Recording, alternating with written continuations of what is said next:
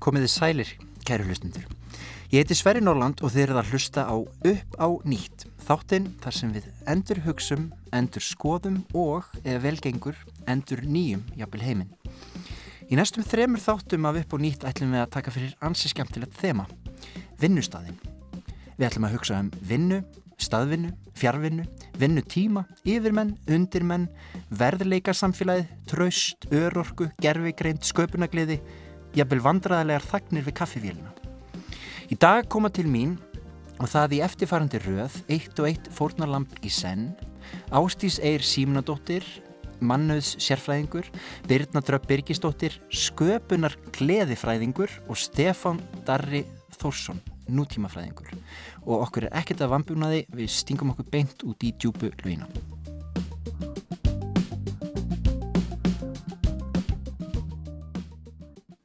Jæja, ágetur hlustundur. Hinga til minni komin Ástís Eir Símunadóttir. Hún er mannöðs stjóri hjá fyrirtækinu Lucinity en hún er líka formaður mannöðs sem er félag mannöðs fólks á Íslandi. Segji það eins rætt að þau getið. Þetta er velkomin Ástís. Takk hella fyrir. Ég hérna, ætla bara að vinda mér beintað efninu. Eru nútíma vinnustæðir ekki bara dagvistunar heimili fyrir fullorði fólk? Uh, veistu, ég held að sé alveg áræðanlega slatta vinnustöðum sem að má lýsa svoleiðis. Okay. Ég held hins vegar að það sé ekki alveg leikillina árangur til framtíðar. Nei, ég held ekki. En, en ef við horfum aðeins öðrum ögum á þetta, á hverju mótni þá vakna þúsundir, tögþúsundir manna, fá sér morgumat og fara til vinnu, lendi umferðar öngþeiti, hlusta á okkur spjalla í þeppin. Já, og koma síðan til vinnu. Og þarna og vinnustæðir eru náttúrulega alls konar. Um, og þú varst að nefna við mig að, að þú hefur verið að þarna, hugsa um þarna, þetta verið ekki breyst við földum ennþá á vinnustæði en að, en að svona kröfur og, og vinnustæðir og kröfur á vinnumarkaði hefur verið að breytast alltaf ört á, á síðustu árum um, hvað er það sem hefur verið að breytast þegar fólk stýur út á bílunum og, og, og kemur inn á skriftóðuna sínar eða hvaðan, hvaðan er sem það vinnur mm -hmm. hvernig hefur þetta umhverfi verið að breytast er það eitthvað sem tengist tækninni mm -hmm. eða hvað hefur Já, ég held náttúrulega uh, við erum ekki alveg laus við að ræða hans COVID. Nei, af því að COVID hefur haft svakalega áhrif á bara líf okkar í vinnu um allan heim. Mm. og ég held að COVID hafi hraðað verulega þeim breytingum sem að, sem að voru farnar að láta á sig kræla.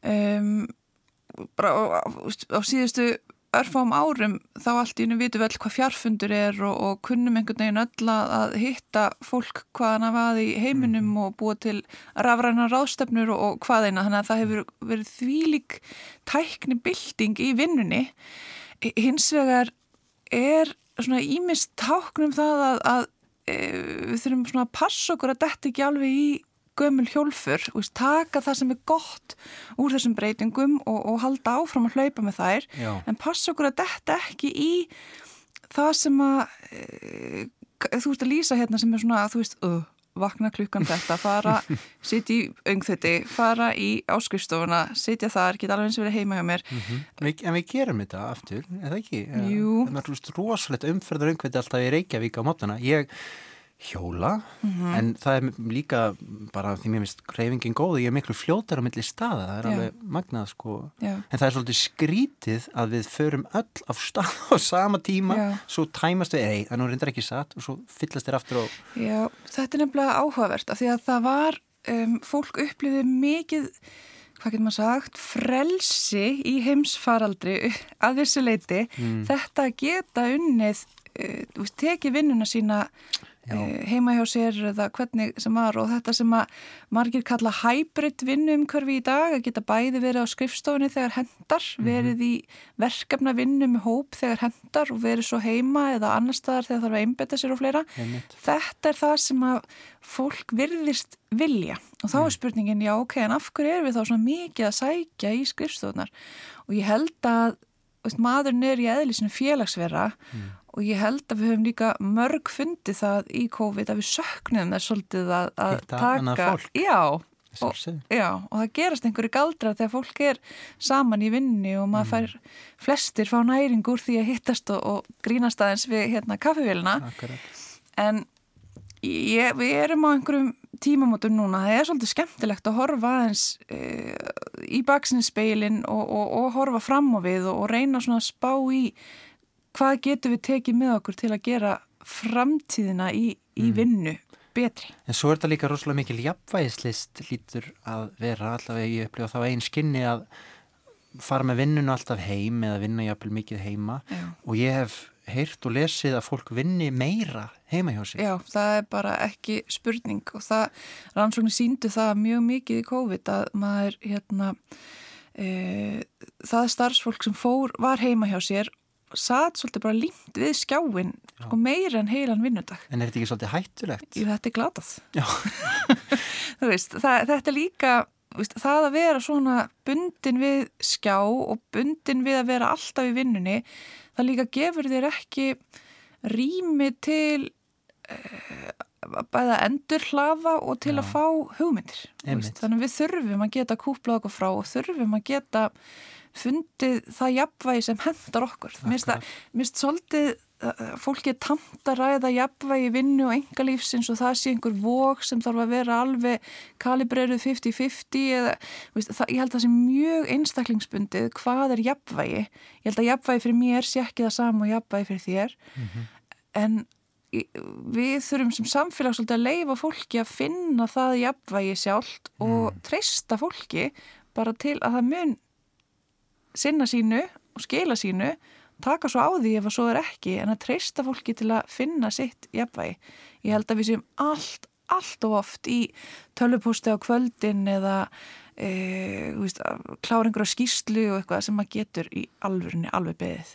Þegar, já, já, ég þekki eina það er hendar kona mín, hún vil ekki að ég tala um hennar ofinbeglega en ég ætla samt að skjótu þess að hún vann einu svonni fyrir stort listasatn út í New York og þar var fólk, starfsfólk kollegar hennar alltaf að senda tölvuposta fram á, fram í miðnætti til að sína að það væri við tölvuna Akkurat. og hún slökti bara alltaf á þessu, lasta sem bara allt í morgunsárið og svaraði. Akkurat. En þarna erum við náttúrulega svona, þetta er einhvern óryggi, það er alltaf verið að sína, því, að sína sko að fólk sé á tánum. Akkurat. Ef ég hefði verið að reyka þetta listasafn, þá hef ég sagt krakka mínir reynið að vera áhugaverða manneskjur og gera eitthvað annað en að hugsa um vinnun á kvöldin. Lesið bók eða farið í bí og hittið vinnið ykkar, verið með börnunum ykkar. Í alvörunni. Ég held að þú ættir að reyka þetta listasafn Já, þau báðu mig um það en þú veist, ég hef annað þarf að gera það í tíma minn. Þegar því líkur að hausur skar að reyka svona stort Nei, en þarna, þarna hittir þess að naglánu höfuð það því þannig kemur bara miklu betri orka inn í morgunsárið. Já, En, en svo annað að því að tala um þarna, það sem hefur breyst og við erum svona kannski að fara með einhvern farangur uh, úr COVID inn í nýja vonandi COVID-lausa tíma. Já. og hér verðum við náttúrulega að taka fram að við erum að tala um vissa tegund af vinnu, við erum að tala um skrifstofuvinnu. Og, og, og þarna en í því samengi þá varst að nefna þetta með fjárfundina ég fór á fjárfundi háteginu mm -hmm. og mér finnast þeir svo enkennilegir að því leiti að það, það vant vantar í það á einhverja svona orku, það vantar allt slúður, fólk einhvern veginn svona, er bara kannski slögt á hljónumannum og það endur alltaf að því að einn er alltaf að ramsa upp úr sér og flytja einhverja innræður og það fer ekki af stað einhvern svona flæði, samskiptaflæði á milli fólks nema einhverju mjög takmörkuðu leiti. Þetta náttúrulega kemur enga veginn í staðin fyrir sko fundið þessum fólk hittist hvað þó samskipti við kollega og einhverja ráðstöfnun og eitthvað. Þetta er frábær laust en þetta er ekki að sama og hitta fólk hvort það er um félagsverðunar er, er, fólk, áttar fólk sig ekki á er, er fólk sig ekki saman að því? Ég seti hérna bara að kinga ákvæmt kolli af því að ég tengi mjög mikið við þetta, við sjáum rannsóknir sín okkur að E, fjárfundir, rafrænir fundir taka miklu mér orku frá okkur heldur en fundir í, í raunheimum mm. eða, eða þrývítarfundir eða hvað sem maður vil kalla þá. Um, og það að, það að vera að horfa alltaf á mörg þessara fjár hérna funda fór þetta, þú sérð sjálfan þig líka á skjánum og það sogar því líka orku frá fólki því við erum alltaf að horfa á okkur sjálf Já, hvað er það? Ég, það er eitthvað það er hérna bara, ég held að það sé maður hafi almennt áhuga á sjálfum sér Já, um, eða áhyggjur af sjálfum sér kannski frekar Einhver það blanda. nefnilega, byrja líti í alvörinu svona út, Mm. já, þannig það sogar orku og það líka, það, það myndast öðruvísi flæði í samskiptunum þegar það þarf að hérna setja hljóðið af og á og, Já, algjörlega. Og ég, ég reyndar, ég var á þessum fjárfunda á, hann var hálf tíma langur, ég var mikið að horfa á sjálfum mig, en veist af hverju? Því ég satt með ramaskítari minn og ég var alltaf að gæta þess að hann sæist ekki mynd, sko. Þannig að, að ég hafði reynd ekkert hlutverk á þessum fundin, maður bara eitthvað að segja, já, já, þetta verður flott og eitthvað svona. En var að Það er svo líka áhugavert við vinnuna í dag. Af hverju erum við að halda fundi með fólki sem að hefur ekkert erindi á fundi? Já, ég segi nú ekki, ég, ég var alltaf upp á svona góðaskapið og, og svona. En, en, en ok, þú ert að tala um þarna og búin að vera að hugsa svona um aðeins það sem að hefur verið að breytast.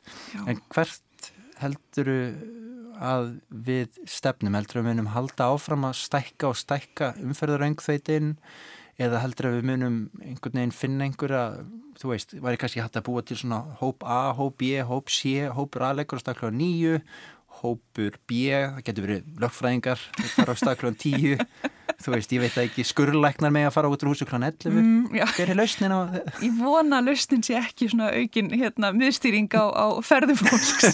Hins vegar held ég, ég lega mér að vera bestinsmannskja, ég held að við munum finna betra jafnvægi en við erum í núna.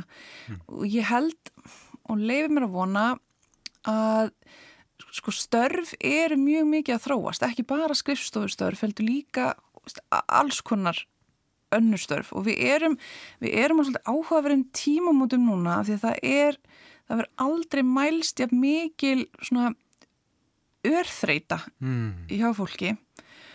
Og það þarf, það þarf eitthvað að breytast. Annars, annars erum við bara að stefna í Er það ekki þetta sífælt áreitt úr tækjunum þá? Og var alltaf að ná í okkur? Ég held að sé margt sem spilar inn í og ekki síst þetta. Og líka held ég að sé bara um, það eru það öðruvísi kröfur uh, hérna, til starfsfólks í dag og, og á stórum hluta til út af því að það er alltaf hægt að Já, ná í fólk. Og það er um, já bara og í í stó, stóra myndin þá er bara hérna störfur að þróast það mikið að þau eru orðin miklu hérna svona, glób, miklu mér glóbal það, er meiri, svona, það er líka verið að vinna með fólki sem er sta, statt annar staðar á er. Já, á þeirrum tímabeltum þannig að þú þarft að vera e, geta svarað þegar kollegar þínir í hérna Kuala Lumpur þurfa að ná í þig Já, já, já. þannig að það, það er líka breytast. Hins vegar e, og ég, ég held að sko stj- stjórnendur þurfa bara að taka ákverðun núna ætlum við að treysta fólki eða ekki Mm. af því að ef við treystum ekki fólki og þurfum að fá fólkin að skrifstofuna til að sjá það sitja á rassinum sínum með átlokopið eða hvað sem það er að vinni Já, já. ef við þurfum að sjá allt þetta þá, þá erum við svolítið föst þarna að En- við þurfum alltaf að fara út í bílan okkar en ef við náum að treysta fólki og búa til vinnustæði þar sem að það er bara uh, verið að hvað getur sagt, rúlla á öðrum gjaldmiðli heldur en rass í sæti heldur að vera að rúlla á framistöðu og afkostum og hugmyndaauðki og sköpunarkrafti að þá, þá myndast sveigja til að vera þar sem þú þar sem hendar hverju sinni. Já, já. Ég er svo mikill mannvinnur og humanisti og bjartsýnismæður Já. að, sko, er þetta ekki gamli skólinn að vera að stara á fólk og tryggja rassin ríkfalli Jú, það er mjög gamaldags. og það er svolítið gamaldags og, og, og, og kannski átti það rétt á sér einhvern tímann en er, ég, mér finnst svona eins og sé einhver vakning með þetta. Það er mikið talað um sköpunarkraft, að vera Já. skapandi en svo er oft sagt kannski við einhvern veginn sem mig sem vinnur sko sjálfstæðverkni hér og þar og þarf að vera skapandi Mhm. að ég er einmitt að fá að stjórna svolítið sjálfur hvernig ég er skapandi en svo er allir að vera líka skapandi á vinnustöðunum en þá verður einmitt að treysta fólki Já. þannig að það er kannski að vera einhver vakning þarna innan fyrirtækja? Ég held, ég held það, mér sýnist það á öllu en við erum alls ekki öll komin þangað. en svo er bara svo óhald að sitja á rassinu þú veist, Það- kyrsetu sjúkdómar og það þetta er bara það er hár rétt, ó ég gríp fram með því, mér svo í hamsi. En það er, það er nákvæmlega málið. Þetta er svakalega slæmt líðhilsu að vera svona mikið kyrsetu fólk. Já. og það er mjög dýrt fyrir okkur sem samfélag. Ég hef nefnt þetta áður en ég, ég er mikill talsmaður hins skildibundna göngutúrs daglega sko. Já, en, en ég hef fengið svona þau skilabóð að það sé ekki að fara að ná inn í vinnudaginn á næstunni. En Ég- það þarf ekki að vera, þú veist, fjallganga það má vera, sko, korter Ég er mjög ósamála þeim sem hafa gefið þér þau skilabóð af því að ég held súrefni mm rannsóknir hafa marg sínt þá sanna að bara vera í nátt heilin þarf súrefni. Já, já, akkurat, nývísindi hér að vera. Nei, að, að náttúran Náttúran, já. gefa okkur, svo svakalega mikið, meira en maður heldur. já, já.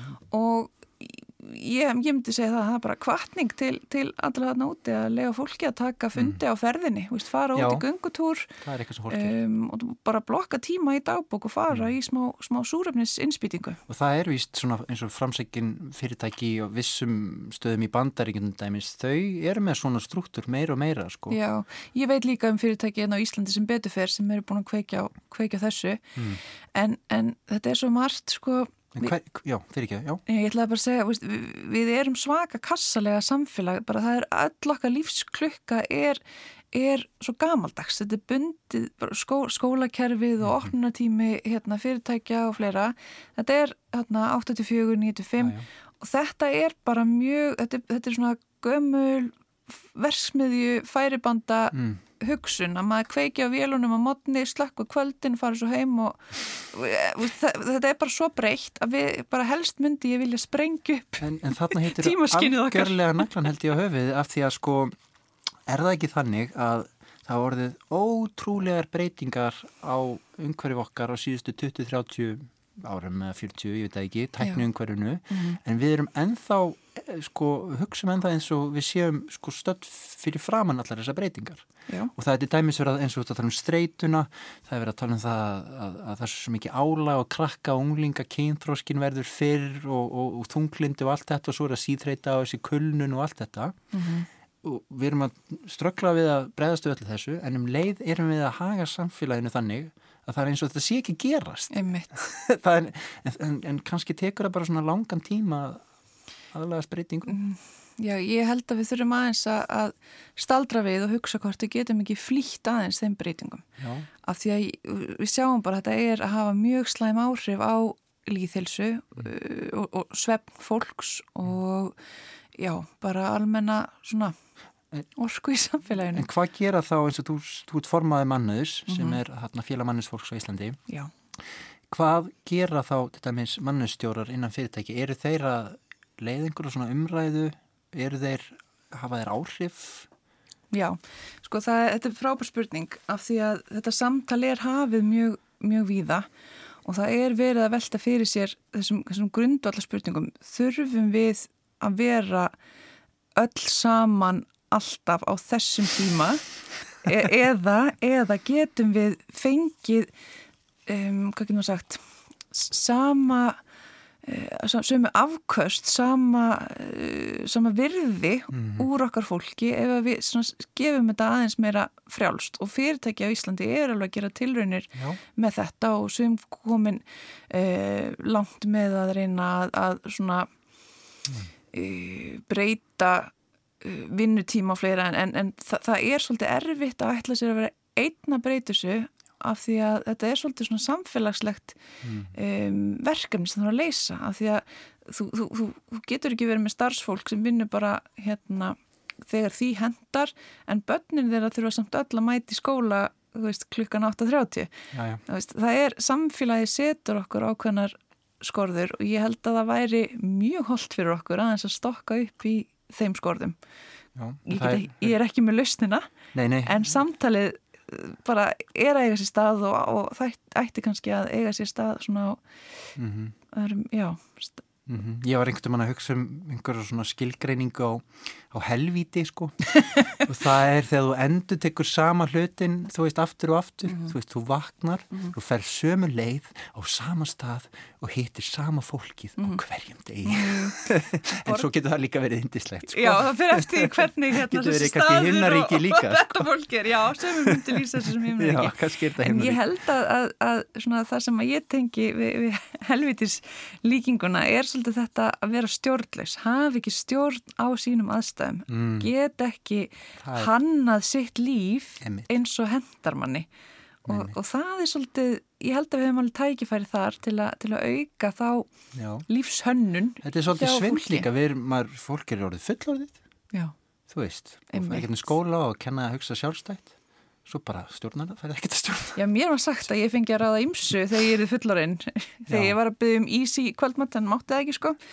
En, en já, það, er, það eru bara skrambi margar skorður uh, sem að samfélagi setur okkur. Og ég held líka að mm, ég held að sko Ísland, ef Ísland ætlar að vera samkeppnishæft meðal þjóða að þá þurfum við að finna lausn á því hv- hvar og hvenar við sköpum verðmæti mm. ég ég held að þetta sé þannig mál, ég held að þetta sé ekki eitthvað sem við getum sleppt í að hugsa um af því að þá held ég bara að þá mun enginn sækist eftir í að búa hérna Mm. uh, og við munum ekkert geta hérna, þrifist vel. þetta er gó- góður og hugsanarveikjandi, kannski svona móli sem við getum látið bara sleppt hérna út úr viðtækjum landsmann og leftum að velta fyrir sér hérna að lokum. Já, Vá, ég...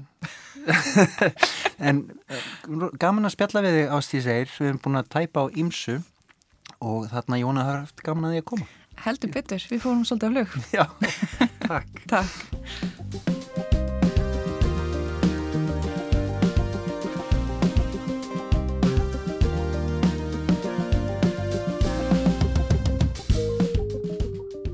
Það er gott að vera skapandi og kannski er sköpunagliði bara annað orð yfir lífið.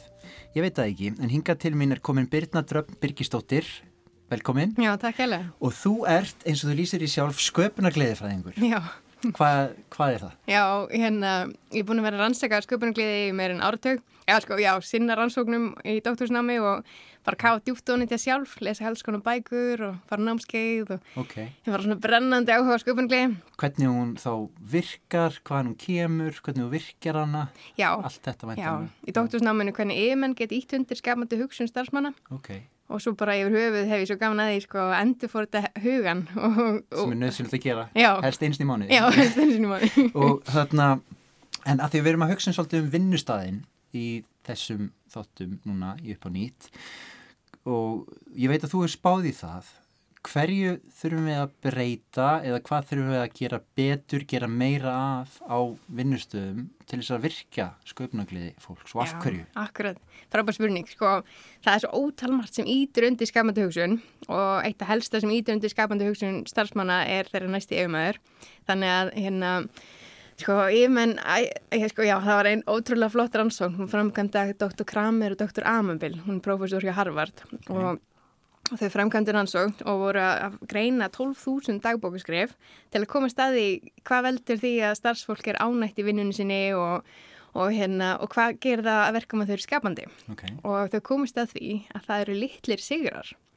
Og hérna þau tala um að yfirmenn eiga ekki að vera að stýra fyrirtækjum og þeir eiga ekki að vera að stýra fólki heldur eiga þeir að vera að stýra litlum sigrum og hvað er lítill sigur? Já, það, það er svo ótrúlega margt en hérna, það er til dæmis dæmum það er bara kannski forritari með eitthvað svona hérna villu og hann er að leysa eina litla villu að það er lítill sigur Mm, eða við erum með eitthvað vandamál og við erum að finna laust eða þess vegna við erum með kynningu Mm. og eða, það bara getur verið hvað sem er já, þegar við sjáum í rauninni einhver svona ávegsti af erfið okkar. Já. Við sjáum að þessu við erum að gera skiptir einhver máli. akkurat, akkurat Ok, og þeir eru að stýra fólki sagt, í þá átt að þessi slillu sigra náist. Já, og þá er það sko hlutverk efamanna, ég er að rannsaka hérna þjónundi fórustu í dóttursnámanu mínu Já. og mm, hérna hlutverk þjónundi leiðtoga, ski- það er svo mikið um að hérna nýta virka hlustun og virkilega skilja að við erum öll mismunandi og við þurfum mismunandi leiðtoga í lífin okkar Ég, og hérna þannig að leiðtógin þarf svo mikið að ká djúpt onni og átt að segja á því að við erum öll einstök og það er mismundi hvernig hann að haga sig við hvern og einn. Þannig að fyrir einn kannski þarf, þarf hann að veita miklu meiri stuðning en fyrir annan kannski miklu meira vinn í síninni það er bara svo mismundi. Þannig að skipt svo miklu máli að nýta þess að virku hlustun. Og þannig að stjórnendur raun líka segja að stjórnendur þurfa að hafa raunverulegan áhuga Já. á fólkinu sem Já, er að vinna fyrir. Akkurat. Það er kannski ekkit alltaf þannig. Nei. Eða þeir, það er kannski bara svona, já, Já, akkurat. ok. Nákvæmlega og, hérna, og þegar mann hefur hann raunverulega áhuga Mhm. og vill að starfsmæðurinn blómstri og að það tala um því þónd fórstu að svona valda píramítunum er snúið við þannig að yfirmenninir er þannig undir í píramítunum og þeirra hlutverk er bara að hjálpa fólki að efla sig og vaksa í lífi og starfi og þegar yfirmaðurinn næra stiðja við þennan vöxt, til dæmis með myrkri hlustun og með markþjálfun og hjálpa fólki að ná þessum litli sigurum, að það blómstar allt fyrirtækið. Þannig að hérna... Þetta er fallegt. Já. Yfirmænir þar með orðið meira svona, eins og svona jarðvegur veginn, sem starfsmennir vaksa upp úr Já, eins akkurat. og, eins og blóm eða, eða, eða plöntur. Já, Já, þetta er frábært. já, Og, og þarna, en þú hefur líka verið að flytja fyrirlestra um sköpunargleði, þú hefur verið að fara á vinnustæði til þess að örfa sköpunargleði. Já. Hvað, hvað gerir það? já, sko, hérna, það að rannsaka hvernig við getum markvist þjálfa sköpunarkliðina og hérna, og það er þannig gert að það, fólk fær fræðslu um það, hvernig heilin virkar og hvernig við getum í raun breytt heilatengingum og, og gert það þannig að hérna heilatengingarnar sko, verði svona hraðari í að skapa. Þannig að þá lík, heil, líkle, líklega að heilin far í það að skapa og þegar hann fer yfirleitt svona á kunnulega slóðir og þegar maður er búin að veita þessa fræðslu um hvernig þetta virkar allt og að getum þjálfa þetta og, í grunninn að við erum öll skapandi og hvað þýðir að vera skapandi að þá eru hérna ákveðna aðferðir sem við getum lært til þess að ebla skapandi hugsun og Svona, ég, flýja einhverja vanahugsun. já, svolítið. já Já, ok. og því að heilin sko, markmið hans er bara við lifum af markmið heilans er ekki að við njótum lífsins Jú, að- spurði, þú spurði heilin í mér, ég, ekki, ég vil lifa af, sko, Já. ég vil líka njóta þess já, en heilin er svona alltaf að reyna bara að passa við sem er næga orku Ok, til að hérna ef við myndum lendi í ykkur óvænti og eftir að það eigum við orkuna inni til að taka á móti því og hérna þú ert aðeins að ræða við heilan í mér, ég flýja hann eitthvað því svona, sko, en ok.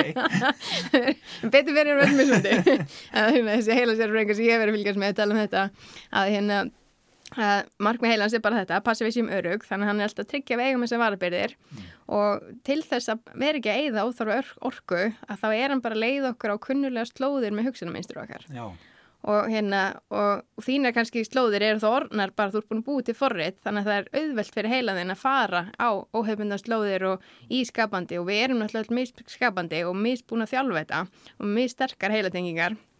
En hérna þegar við förum eh, svona að markvist taka eftir því að við förum að kunnulega slóðir en við getum stýrt því hugsanar minnsturinn okkar. Þannig við getum til dæmis bara herði ég þarf að hérna að ná í þennan nýja viðskiptavinn og, og ég með þetta vandamál við því en mér vantar hérna einhverju hugmynd til að leysa þetta vandamál og þá get ég kannski bara valið hérna hátalari pluss þetta vandamál mm. og hérna tengt þetta saman og þá fer heilin ofta á nýjar slóðir. já, kannski svona kynna einhverja ó, svona óvænta stærrið eða breytu, setja inn í einhverja aðstæði eða eitthvað svo leiðis. eins og til dæmis bara þegar Nike eh, var, var hérna, fund, eða svona þegar Nike var að byrja að þá hérna var stofnandinn hann, hann var með það vandamál í huga að hérna gerfigrassið að skótni náði ekki nógu grípi á gerfigrassinu og hann var svo mikið að reyna að finna góðu skó og hann hafði verið að flytja inn skó og allt þetta en fann ekki nógu góð á gerfigrass og þá fór heilin hans að leita að lausnum og svo var hann bara eins og heima hjá sér að búti vöflur.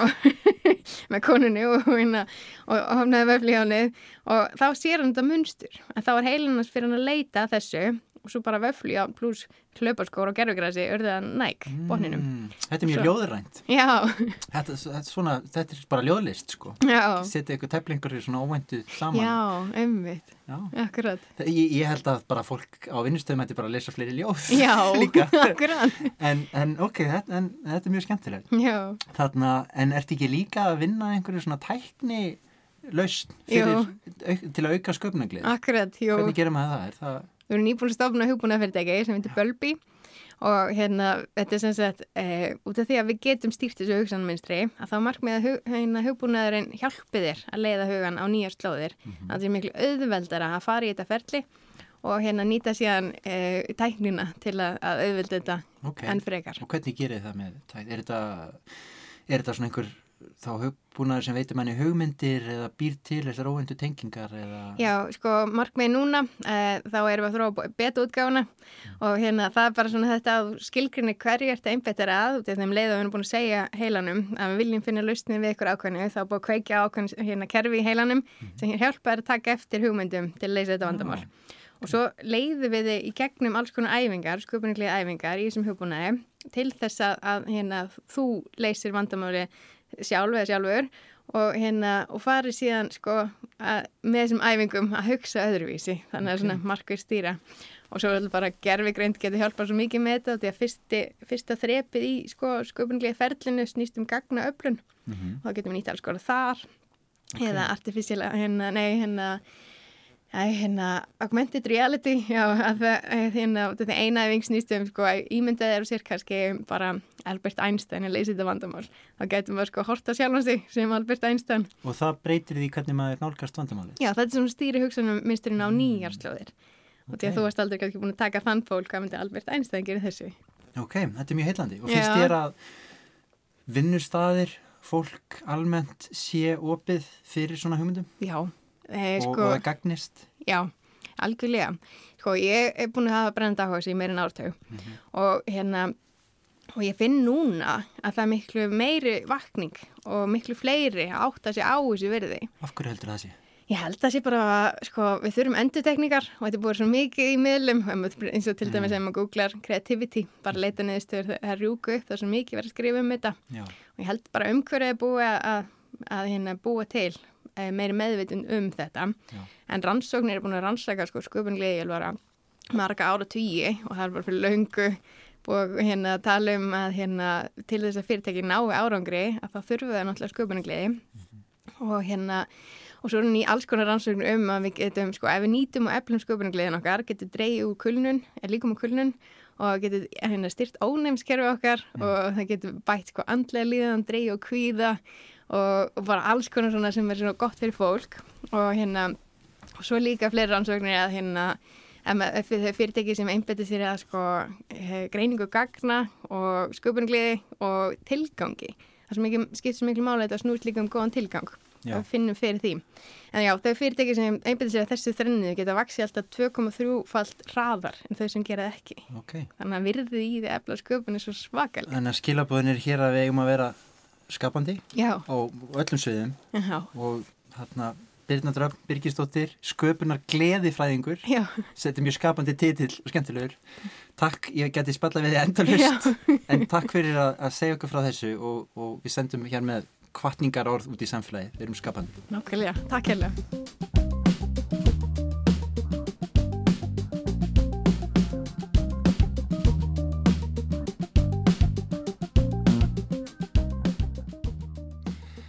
Jæja, vinnandi fólk, nær og fjær, láttekju fólk, hátekju fólk, sem er að hamast og strita, fólk sem hefur það náðugt. Hinga til minn er komin Stefán Darri Þórsson, nútímafræðingur. Hann skrifaði nýlega rítgerð í nútímafræði við háskólan á Akureyri og mér leikur eiginlega fyrst hugur á að vita, Stefán, hvað er þetta? Nútímafræði, nútímafræðingur. Já, um, það er góð spurning uh, og ég hef selga þurft að útskýra þetta fyrir öllum sem að ég hérna, uh, segi frá þessu sko. Ég held að þetta var eitthvað nýtt þegar að ég rakst á þetta við hérna, háskólan á Akureyri en þetta er búið, búið að vera í einhverju formi sem nám hana í 20 ár Já, ok. en þetta er svona blanda af um, þetta er innan félagsvæðildarinnar og félagsvísindana og þetta er svona kannski markmið með þessu er að, er að fara um, um, viðan völl, þetta er svona þverfaglegt uh, og til að reyna að skilja í rauninni uh, hvernig þetta samfélag, hvernig þessi nútími sem við lifum í dag var til og varð eins og svona ægslæðist eins og þetta er í dag. Já, ok. Það er svolítið spennandi svið. Ég þekki fag sem heitir framtíðarfræði. Einmitt. Þetta kannski teng, getur tengst því. Já, þetta er svona nútímin sem hugtak í fræðigrænunum er kannski skilgrind frá svona uh, hérna byltingun í Fraklandi og til dagsins í dag, Já, þannig að þetta er svona þessi nútímin sem við þekkjum hann. Já, þetta er svona svolítið hvernig, ok, hvernig við, við enduðum hér. Já. Með að skoða fortíðina. Einmitt. Ok, áhugavert. Og þú sem sagt skrifaðir rítgerð sem tengist einmitt þeim að þáttarins í dag og fjallaði, sem fjallaði um fjárvinnu, er það ekki rétt hjá mér? Jú, passar, ég hérna, tók einmitt þetta nám í Háskólan Akureyri í fjarnámi og, Ok. og, og, og hef reynslaði að vinna í fjárvinnu og, og, og starfa í svona, já, á þessu sviði, tengdir fjárvinnu í dag. Ok, hvað er fjárvinna? Já, fjárvinna er í rauninni bara skilgjöringin á að sinna vinnunni sinni með hjálp um, tækninar, um, eitthvað starf annar staðar en eða utan starfstöðar fyrirtækisins Já, ok. um, og þetta er náttúrulega mikið breyst uh, sögum COVID-19 Já. þetta er eiginlega svona daldi svona fyrir COVID og, og eftir COVID eða og náttúrulega í COVID um, en já, í þessari rítgerð þá var ég svona að skoða helst sko uh, reynslu fólks af fjárvinu uh, og bera saman runni um, karlmenn og, og, og konur sem að hafa mismunandi langa reynslu af fjárvinu og svona hver þeirra upplifun og, og, og viðþorf er til fjárvinu uh, svona kosti, galla og ímslegt og reyna svona kortleika aðeins svona einhvern þroska feril fjárvinnandans Ok, þetta er mjög áhugavert og, og, og hvernig líður fólki með þetta? Líður fólki vel? Já, það er svona um, ég myndi segja svona í upphafi uh, upplýði fólk aldrei svona frelsi. Um, það er svona þessi sveigali vinnutími sem að um, fólk er uh, já bara eigur velliðan fólks og svona getur veitt um, fólki eitthvað svona aukin auki jafnvægi millir vinnu og, og yngalífs Okay. uh, en af, af þessu sögðu að þá eru svona eftir ákveðin tíma sýnir það sig að, að það þarf að vera rosa svona um, já, fólk þarf að setja sér einhverja skorður, einhverja reglur, einhverja ramma utan um fjárvinna uh, til þess að falla ekki í svona ég veit ekki sjóða piti en, en það er svona það, þetta getur líka komið niður á til dæmis heimilislífinu. Og um, og getur bara einhvern veginn svona raska þessu, þessu þessum skilum millir vinnu og heimilislífs uh, sem og að það getur náttúrulega verið eins og gerist alltaf í COVID að fólk var að vinna heima á sér. Uh, fyrirtæki þurft að grípa þess, þessa ráðs til að halda bara hjólum, bæði, bæði sínum hjólum og hjólum atunlýsins gangandi uh, að senda fólk heim að vinna og þá upplifir fólk aldrei svona eftir tíma veist, félagslega einlangrun getur gerst, sérstaklega að fólk er svona í lengri tíma Það hlýtur að vera svona svolítið erfitt að slökkva á vinnuhöfðinu og, og, og stíga inn, í, inn á raunverulega heimilið eða þú ert Já. að vinna heima. Þannig að kannski þessi mörk þarna verða alltaf ósýnileg. Algjörlega, það hefur eiginlega sko, stokkur frá því að við erum bara lítil er okkur kent að sko stíga inn eða mæta okkur stað mm. það, það sá viðbörur hefst og svo líkur honum og þú ferð og þetta er öll skólaganga, leikskóli, grunnskóli, mentskóli, háskóli uh, þetta er sko, þú ferð á æfingar hvort sem það er í, í hvaða tómstundu sem það er þú mætir á staðinn, æfingin hefst, þú ferð heim þetta líka á við vinnuna þannig að þegar þú allt í hennu tekur þessi skil að þú bara heldur áfram að sitja við borðið heimahöður eftir morgumætin og byrjar að vinna að þá ef að fólk uh, setur sér ekki eitthvað svona skýran ramma þá getur þetta að fara að uh, hafa virkilega áhrif Hlustundur kannast líka kannski við, við orð og tilfinningar að borðu við sektarkend, samviskubit og svona. Og ég hef heyrt sko að fólk, og ég þekki þetta alveg sjálfur, að fólk sem vinnur stýrir tíma sínum jafnvel svolítið sjálft, það er einhvern veginn aldrei nógu ánægt með jafnvel afkvöstin eða er, hefur áhyggjur af því að það sé ekki að standa sér nógu vel. Og ég tala nú ekki um ef öll vinnan fyrir fram í einhverju tæki sem er síðan bara alltaf þarna innan seilingar. Getur ekki verið að og ég hef raunar heyrt að fólk vinni meira heima hjá sér, get ekki hægt. Það er kannski það sem þetta vísa til með heimilislífið að þetta bitni á, á því. Já, það getur gert sko, það er eiginlega bæði það að, að fólk, sko þessi aukin ána er að fólk geti stokkið til badnið veikt, badnið þarf að vera til tannleiknist, það geti stokkið frá sint þessum uh, störfum sem fylgja kannski heimilislífinu. Um, og það er frábært. En svo ertu einmitt komið þetta að, að vinnaðin er bara í tölunni og, og þú liggur fyrir framann sjónvarpið á kvöldin og tölvan er aðna að það er freistandi að fara að svara þessum e-mail leti haugurinn þinn Já og bara, þú veist, og það, þá getur þetta sko komið nýra fólki að það er að vinna jável alltaf mikið. Um, það eru, þeir sem hafa stunda fjárvinnu í, í lengri tíma, um, þeir segja að þeir vinnir unni betur heima á sér þar sem þeir fá uh, meiri svona fókustíma. Þeir eru ekki trublaðir af skvaldrinu og vinnufélagunum sem, sem við sko geta lendi í á vinnustanum og þeir geta ná svona einbeitt sér vel og unni kannski farið svona dýbra á henni þangagang og, og, og flókin verkefni en svo aftur á móti heima færið ekki félagslegu þörfunni sint. Það farið á vinnustanum. Þannig að það er svona kannski ef við segjum eftir COVID þegar fólki getur núna farið aftur á vinnustæðin þá er það að sjá daldið svona fyrir sér uh, draumas hérna, drauma aðstæðunar, vinnuaðstæðunar eru kannski að vera í einhverju svona hybrid mótili og það er þá að vera þú veist, eitt til þrjá daga í viku heima og þá, þú veist, á móti í, í vinnunni. Þannig að það nær kannski afkasta meiri dögum heima en, en tekur kannski fundina og þessi svona, um, já, svona uh, einhver verkefni sem að þarnast samvinnu millir samstagsfélag geta gert á vinnustan. Og hversu raunhæft telur þú að þetta sé? Eru vinnuveitendur spenntir fyrir þessu? Er þetta að gerast eða er þetta meira einhver svona fræðilegir þangar, einhverja hugsuða sem er að skrifa rítgerðir eða fólk sko, sem er að spá í vinnun og ég vil tala um þetta í útastætti. Er þetta raunverulega að gerast að við séum að sjá þessar breytingur frá því að fólk sé bara alltaf á skrifstofunni mm -hmm. yfir í að það geti raunverulega einbit sér kannski betur heima og, og er þetta að gerast eða er þetta enda bara einhverja botlaleggingar og spekulasjónir?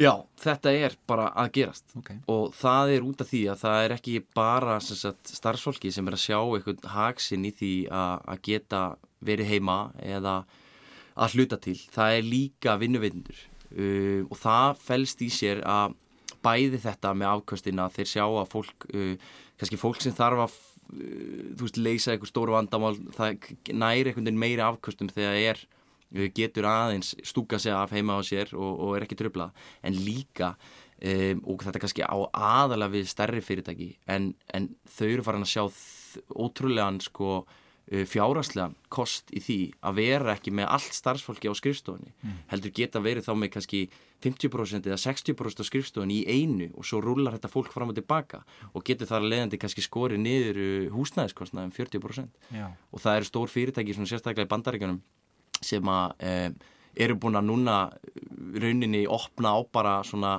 fjárvinnu pólisýr innan þeirra fyrirtækis. Þar sem að þau bara leifa starfsfólki að vinni fjárvinnu uh, sumir að fullu, sumir að hluta til og geta þá skori niður sko, eins og Pinterest þeir hættu nú að reysa nýjan skíaklúur uh, sem átt að vera þeirra höfustöðar í San Francisco um, og borguðis út úr því ykkur 80 miljónur dollara bara til að reysa ekki þennan törð því að þeir sá bara herðu við ætlum bara að halda sömu hérna, skrifstofu og, og senda hel, helmingin heim sko. En þá heyrir maður svona ramakvein og áhyggju óberast frá sko leigursólum og verktökum mm. og framkvæmdara sem segja nei, nei, nei, nei, það þarf að byggja fleiri skrifstofur og er það ekki? Jú, en svo, svo aftur á móti sko er þessar pælingar sko fólk vil kannski ekkit vera að vinna um, alltaf heima á sér og fólk sem er kannski að vinna og það er nýri vingil á það, fólk getur verið að fara að vinna búsetaði sér ekki háð lengur uh, staðsendingu vinnuveitindast.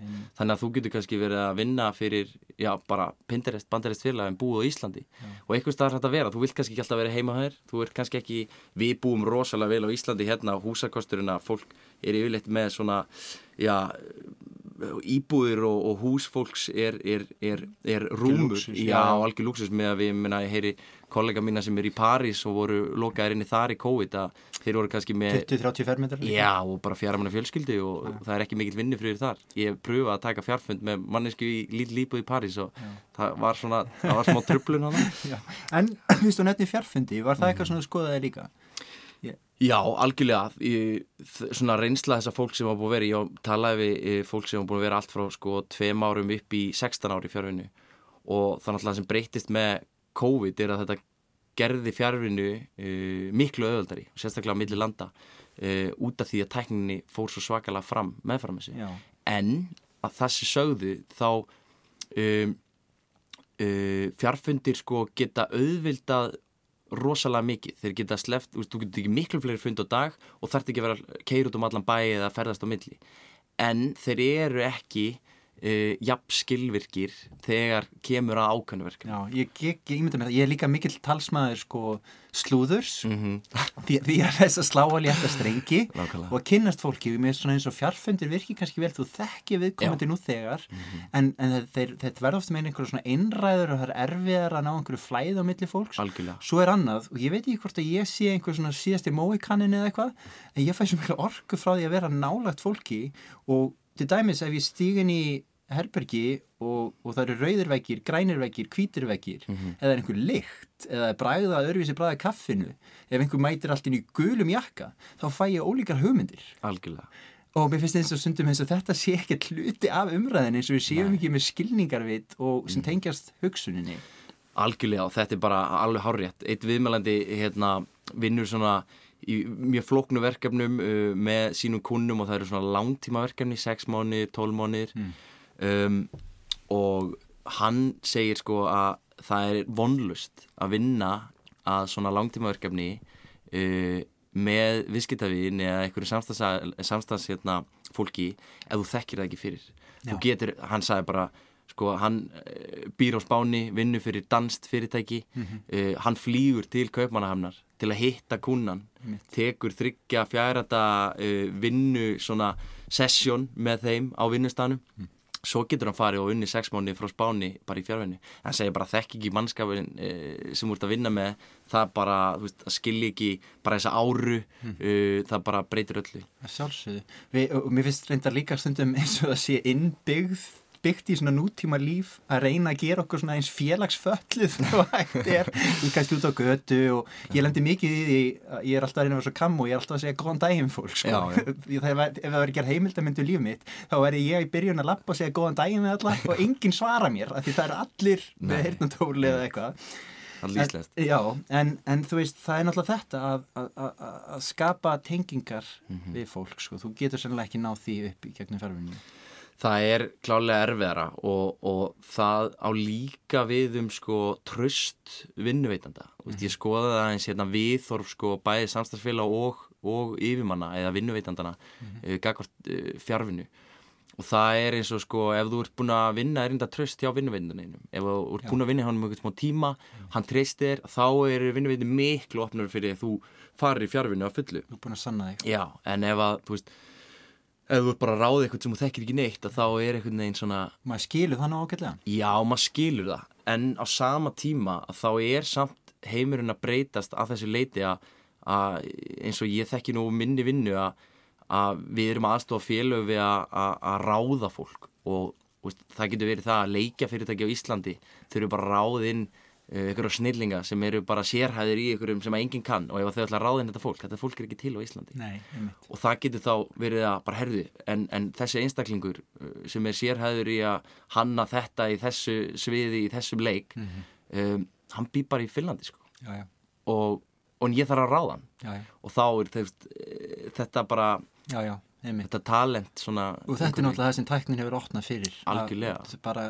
hæfileika fólki út um allan heim sem getur unni með þér. Algjörlega. Það er náttúrulega magnað. mm Annað sem er fyrst aldrei áhugverð, þú ert handbóltamæður já, passar og þarna og, og stundum þegar við erum að tala einmitt um vinnu og vinnustæði þá er talað um, sko, það er svona notaðir eins er íþróttafrasar, sko, ég tek boltan ég, þegar einhver segir við mig ég tek boltan, þá fæ ég alltaf smá hland fyrir hjarta því það táknar ekki neitt og hvað svo? Ætlar bara að halda á honum, ætlar að gefa hann á einhvern? Já, en, en, en, en hvernig finnst þér það að við komum úr íþróttum sem, ég, sem ég gerir líka vera góður undirbúningur fyrir vinnumenningu? Er, er svona þjálfunin og svolítið svona þetta samkeppnis eh, og svona keppniskap sem við þjálfum upp íþróttum reynist það vel á vinnumarkaði eða er það jafnvel, getur það verið hættulegt? Sko, svona til að byrja með svona, þá held ég að það nýtist klárlega um, í allavega liðsýþróttum eins og ég hef, kemur handbóltanum og um, þá upplifið það að allir sem ég er með, þeir eru rosa góðir í samskiptum góðir að vinna í hóp, góðir að um, skilja ólík hlutverk uh, og það á það alveg sama við á vinnustanum að, að við erum einhvern veginn eitt heimi að vinna saman að því að komast eitthvað lengra um, frasarnir vissilega tengjast margir. Um, keppniskapi já, ég meina ég held að sé allir í, í mínu handbóltalegi með mjög mikið keppniskap en svo getur þetta nú verið al, algjöri rólindis menn utan vallar sko. Uh, Fá útrás á vellinu Já, já. En hérna, ég, það nýtist klálega með að vera að setja markmið og reyna að ná þeim og ég meina að vera um kemskap að reyna að hérna, maður ekki tapa fyrir Æ, Ég fer að hugsa út í þetta því maður svona lítur oft á samfélagi sem einhver svona stóra einingu sem er jafnvel eins og er þetta hugsa um sem heimili sko, við erum rauninu öll í þessu saman. Þú veist, við erum að, við einhverju þjóðfélagi en svo er það samt svo er það þó þannig að, að fyrirtækin eru náttúrulega að keppa en það getur verið alveg góðlátlega keppni líka. Já, já, og ég var svona stundum að spákortu þurfum aðeins að fara að endur hugsa þessa hugmyndum samkeppni bara á milli fyrirtækja af því að þú veist, mér, mér sýnist að, að sé þannig að samvinna sé aða lögmáli í náttúrinu og það sé ástæðan fyrir að við mennirnir erum komnir á þann stað sem við erum komnir á, við unnum saman. Já, þannig að ég er svona, ég er svona bæli hvort að, hvort að íþrótti séu jafnvel bara eitraðar. Nei, nei. Já, já, ég skilði, ég meina hvert fyrirtæki er með samvinnu innan síns fyrirtæki sem þau eru kannski að keppa á önnu fyrirtæki Já. þegar að fyrirtæki nætti kannski saman að vera að vinna Já, meira en þá saman kannski myndi Já. allt fallin sjálf sig. Já, Ég veit það ekki. En heyrðu, Stefán Dari, mjög gaman að tala við þig. Mhm. Þú hérna ert nútímafræðingur. Já, en hefur að lokum uh, pælt eitthvað í framtíðinni? Og, og sérstaklega hvað snertir svona uh, vinnu menningu heldur að hver er loka niðurstandi dæmis í rítgerninni van, vanandi fjárvinnuna og, og það allt? Já, ég held að fjárvinna sé klárlega komin til að vera e, sem partur af vinnumenningunni e, Það var náttúrulega fóru rosalega margir út í fjárvinnu í COVID-19. Nú eru meiri hlutin að fara aftur en það sem kannski, breytingin er að, að fólk sem að hefur uh, neðist til að vinna heima á sér er núna átt að segja á því að ef ég get unni heima á mér þá get ég raunni unni hvar sem er. Og það eru virkilega áhugaverða pælingar með eins og ég komin á áðan með sko búsetu og, og, og, og hérna staðsendingu vinnuveitanda, fólk sem að ef við tökum bara veist, einstaklingur sem elst upp og fættur í Bólungavík Já, já. uh, hann þarf ekki lengur að fara til Reykjavíkur eða Akureyrar til að segja sér mentur, hann getur farið í fjarnám. Uh, hann þarf ekki að fara til borgarna uh, til að við fá atvinnutækifæri. Þetta er rauninni daldi, gæti daldi breytt hvernig við horfum á því að hvernig við viljum hæða líf okkar, ekki bara vinnu og, og einhvern svona vinnuferli Einmitt, þetta, já, og opnar allan heiminn um alla veröldurunni algjörlega og en það eru klálega svona fullt af atriðum sem við þurfum að varast það, veist þessir viðmælendur, þeir benda á að það væri gott að vera með loka skrifstofu sem þú getur lokað þér Já, já. eða þú ert heimahöður Ég á er- börn, ég væri já. alveg til að vera með dýflissu og drega sem Já. stendur verð Nákvæmlega, þannig að þetta er klálega komið til að vera í einhverju formi uh, og náttúrulega meðum ekki gleyma því að þau bara að fjárvinna það er náttúrulega risastór hluti af, af störfum í heiminum sem að er ekkert hægt að vinna í fjárvinni við erum svolítið að tala um skrifstöfinu Já. hérna, sko. og, og hérna þannig að hlusnir átti svo því en, en, en þetta er klálega komin til að vera sem einhver partur á framtíðinni og, og það eru kostir hérna á bæði, bæði hliðum sko starfsmannsins og, og, og fyrirtækinsins þannig að ég sé fram á þetta eh, við komum svona til að ná einhverju jafnvægi í þessu og, og þróast áfram í þessum, þessum eh, svona pælingum. Ég vona það og ég vona að fá mikið all tauga áfall Takk Stefán Dari fyrir að spjallaðu mig. Komið upp á nýtt. Takk sem les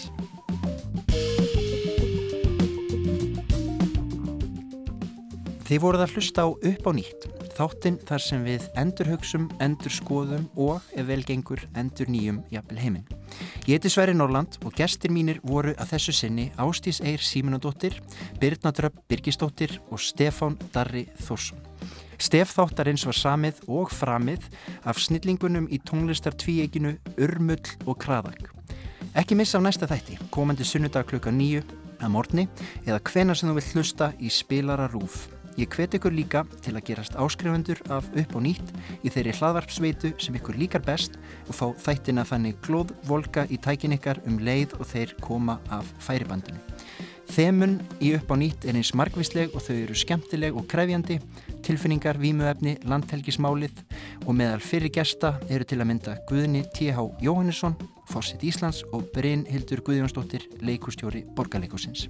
Sjáumst eða heyrumst aftur í næstu viku, farið vel með ykkur, farið vel með hvert annað, lesi bækur, hugsið og spjallið, spilið á hljófari, horfið á heiminn, syngið, dansið og kissist. Bless, bless.